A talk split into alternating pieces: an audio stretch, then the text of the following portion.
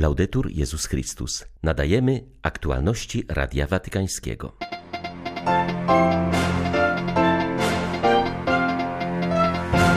Islamski terroryzm wyniszcza Sahel, a dla nas chrześcijan jedynym kałasznikowym jest modlitwa, mówi kardynał Uedrago z Burkina Faso. Armenia liczna pomoc Watykanu w procesie pokojowym na południowym Kaukazie. Liturgia wspomina dziś błogosławionego Karla Akutisa. Jego życie jest dowodem na to, że można żyć Ewangelią na co dzień, mówi przełożony Franciszkanów w Asyżu, gdzie pochowany jest ten włoski nastolatek. 12 października witają Państwa Krzysztof Bronk i Łukasz Sośniak. Zapraszamy na serwis informacyjny. Papież Franciszek przyjął na audiencji kardynała Filipa Uedrago, arcybiskupa Ouagadougou w Burkina Faso. W rozmowie z Radiem Watykańskim Purpurat zauważył, że sytuacja w jego kraju jest dramatyczna. Prawie półtora miliona mieszkańców musiało uciekać ze swoich domów w wyniku ataków dżihadystów. Potrzebujemy pilnej pomocy międzynarodowej, zaznaczył przewodniczący Konferencji Episkopatów Afryki i Madagaskaru. Przybył on do Watykanu wraz z delegacją afrykańskich biskupów na rozpoczęty właśnie synod na temat synodalności. Spotkanie z Ojcem Świętym odbyło się z inicjatywy biskupów, którzy przedstawili papieżowi problemy i wyzwania, jakie stoją obecnie przed Kościołem na kontynencie afrykańskim. Głównym tematem rozmowy był islamski terroryzm, który w ostatnich miesiącach spustoszył obszar Sahelu w Afryce Zachodniej. Sytuacja jest dramatyczna. Z Nigerii bojownicy z Boko Haram rozlali się na wszystkie kraje regionu. Działają zwłaszcza w Mali, Nigrze i Burkina Faso. Codziennie boimy się o swoje życie. Terroryści są bezwzględni. Ostatnio w wiosce na północy kraju w środku nocy zabili 131 osób. To jest dramatyczne, bo oni mordują swoich braci. Z jakiego powodu? Kto stoi za tymi ludźmi? Kto im pomaga? W Burkina Faso nie ma fabryki kałasznikowów. Broń pochodzi z zewnątrz. Na te pytania należy odpowiedzieć, by stawić czoła trudnościom. My możemy się jedynie modlić. Naszym kałasznikowem jest modlitwa, zawsze to powtarzam. Pomagamy też jak możemy ludziom, którzy musieli uciekać ze swojej ziemi. Prawie półtora miliona ludzi straciło wszystko i uciekło z północy na południe kraju. Liczymy również na solidarność regionalną i międzynarodową. Sia regionale, sia. Żyjemy w bardzo niepewnym i niestabilnym świecie. Papież tymczasem jest przywódcą, który ma jasną wizję i w sposób wyraźny wskazuje na wartości, które są wspólne dla nas wszystkich, bez względu na to, czy jesteś Hiszpanem, Ormianinem, Irlandczykiem czy Polakiem. Dlatego spotkanie z nim budzi wielką nadzieję, mówi prezydent Armenii, który wczoraj został przyjęty przez papieża Franciszka. W rozmowie z papieską rozgłośnią zwrócił on uwagę na niebezpieczne ambicje Turcji we współczesnym świecie. Armenia sama tego doświadczyła, bo jak przypomina Armen Sarkisian, to właśnie Turcja, korzystając z uzbrojenia, technologii i taktyki NATO, wspierała Azerbejdżan w walce o Górski Karabach. Podkreśla on, że ambicje Turcji nie ograniczają się jedynie do południowego Kaukazu, lecz rozciągają się również na inne kraje, takie jak Cypr, Grecja, Libia czy Syria. Nadszedł czas, by porozmawiać o tym z naszymi przyjaciółmi, a Watykan jest przyjaznym krajem dla Republiki Armenii, powiedział prezydent Sarkisian. Przyznał on, że liczy również na pomoc Watykanu w procesie pokojowym na południowym Kaukazie. Watykan jest małym, lecz ogólnoświatowym krajem i dysponuje właściwą sobie mocą, by wpływać na proces pokojowy. Chcielibyśmy, by nasi przyjaciele w Watykanie wspierali budowanie pokoju w regionie, a także starania o uwolnienie ormiańskich jeńców w Azerbejdżanie. Istnieją też wielkie obawy o los ogromnego ormiańskiego, w większości chrześcijańskiego dziedzictwa kulturowego, które znalazło się teraz pod kontrolą Azerbejdżanu.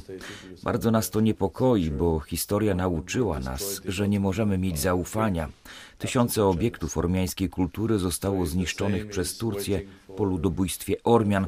Jeśli to samo stanie się z zabytkami w Azerbejdżanie, będzie to wielka strata nie tylko dla Ormian, ale dla historii ludzkości. Życie Karla Kutisa budzi tęsknotę za niebem, jest dowodem na to, że można żyć Ewangelią na co dzień, powiedział w rozmowie z Radiem Watykańskim kustosz Porcjunkuli ojciec Massimo Travascio. W liturgiczne wspomnienie nastoletniego błogosławionego i w pierwszą rocznicę jego beatyfikacji w Asyżu mszę przy grobie Karla Kutisa odprawił arcybiskup Domenico Sorrentino. Carlo Acutis pochowany jest w ustanowionym przez papieża Franciszka sanktuarium ogołocenia w Asyżu. To właśnie tam odbywają się dziś wydarzenia związane z rocznicą beatyfikacji włoskiego nastolatka. Carlo jest inspiracją, by w sposób twórczy służyć Ewangelii, powiedział ojciec Travascio. Życie człowieka rozkwita w spotkaniu z Jezusem, który otwiera nam drogę do świętości. To dzięki tej relacji ten młody człowiek tak swobodnie wchodził w relacje z ludźmi, był odważny i stanowczy w dawaniu świadectwa wiary, a jednocześnie hojny i bardzo pokorny. To, co mnie uderza, to przede wszystkim fakt, że w tak młodym wieku zrozumiał, że życie jest darem dla innych. Carlo świadczy też o tym, że spotkanie z Jezusem jest możliwe w rzeczywistości naszego życia, takiej jaka ona jest. Jego życie jest potężną dawką nadziei dla wszystkich. Przypomina nam, że zawsze jest wyjście ze wszystkich ciemnych i bolesnych sytuacji. Mam nadzieję, że dzięki niemu w sercach wielu obudzi się pragnienie, by w sposób twórczy oddać się na służbę dobra i Ewangelii. Mettendosi a servizio del bene e del Vangelo. Święty Józef jest postacią, która może zainspirować Kościół na drodze procesu synodalnego zainicjowanego przez papieża Franciszka. W nawiązaniu do trwającego obecnie roku świętego Józefa i synodu biskupów na temat synodalności wskazuje na to prefekt Kongregacji do spraw ewangelizacji narodów. Kardynał Luis Antonio Tagle wyznaje Radiu Watykańskiemu, że osobiście ma ogromną cześć do opiekuna Jezusa i stara się od niego uczyć pozostawania w cieniu i umiejętności zmiany drogi pod Bożym natchnieniem. Powinniśmy się od niego uczyć uważności na głos Boga, w szczególności w chwilach życiowych prób, czy wówczas, gdy Boży plan nie jest dla nas jasny, mówi kardynał Tagle. Podkreśla też aktualność papieskiego listu Patris. Uh, uh, Jest w nim wiele ważnych myśli. Bardzo osobiście doceniam to, że przedstawia świętego Józefa jako człowieka, który akceptuje rzeczywistość. Akceptacja rzeczywistości nie oznacza bierności czy bycia jedynie tolerancyjnymi wobec czegoś. I kiedy akceptuje tę rzeczywistość, widzi to, co Bóg chce, aby uczynił, by ją zmienić. Czasami pokusą jest dla nas to, że nie akceptujemy rzeczywistości. Żyjemy w przeszłości, którą wyidealizujemy albo żyjemy w utopii, która jeszcze nie istnieje i dlatego nie wiemy, jak realnie zmieniać teraźniejszość. Święty Józef zaakceptował rzeczywistość i w tej akceptacji usłyszał Słowo Boże i zadziałał z odwagą. Proces synodalny jest dla nas zaproszeniem do wspólnej drogi. Ukazuje nam ją właśnie święty Józef. On przeszedł niebezpieczne drogi z Maryją i Jezusem, kierowany przez Anioła Bożego. Jest to droga, która oznacza bliskość, ochronę, wzięcie troski. Miejmy nadzieję, że podczas procesu synodalnego uda nam się rozwinąć tę zdolność kochania Jezusa i umiłowania Kościoła.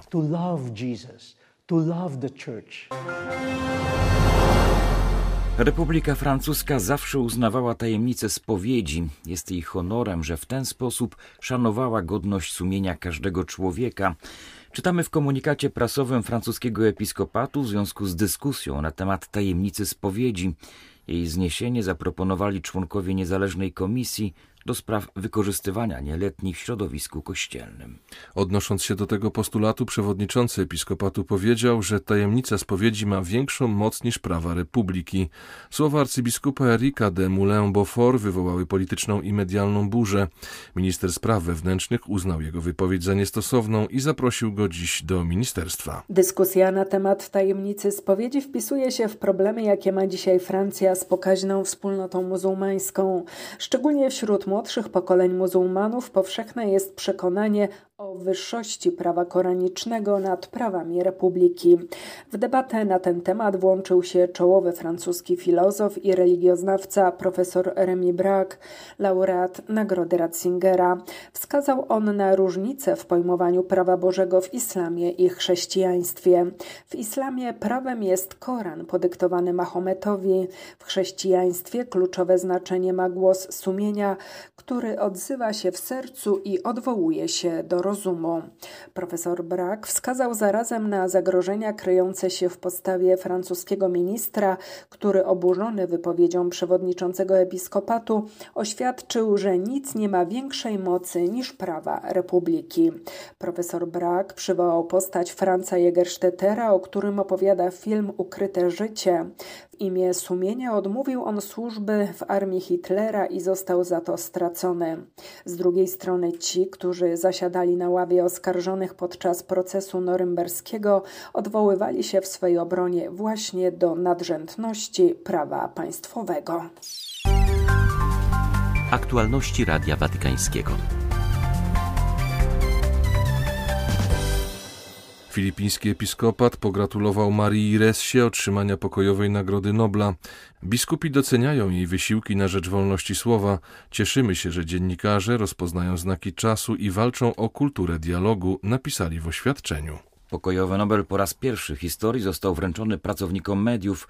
Ressa otrzymała wyróżnienie wraz z rosyjskim dziennikarzem Dmitrijem Muratowem uzasadnieniu komitetu czytamy, że nagrodzeni reprezentują wszystkich dziennikarzy, którzy działają na rzecz tego ideału w świecie, w którym demokracja i wolność prasy mierzą się z coraz bardziej niekorzystnymi okolicznościami. W oświadczeniu arcybiskup Wales przypomniał, że ostatni papieże podkreślali ważną rolę mediów w kształtowaniu zdrowego, demokratycznego społeczeństwa. Dlatego nie jest niespodzianką, że Kościół wyraża wielki szacunek i uznanie dla Twojej pracy, dla wolności prasy, napisał hierarcha. Ta praca jest coraz trudniejsza, bo plaga fake newsów sprawia, że poziom dezinformacji wzrasta. Dlatego ważne jest, że są dziennikarze, którzy nie tylko szukają prawdy, ale także pomagają budować kulturę dialogu.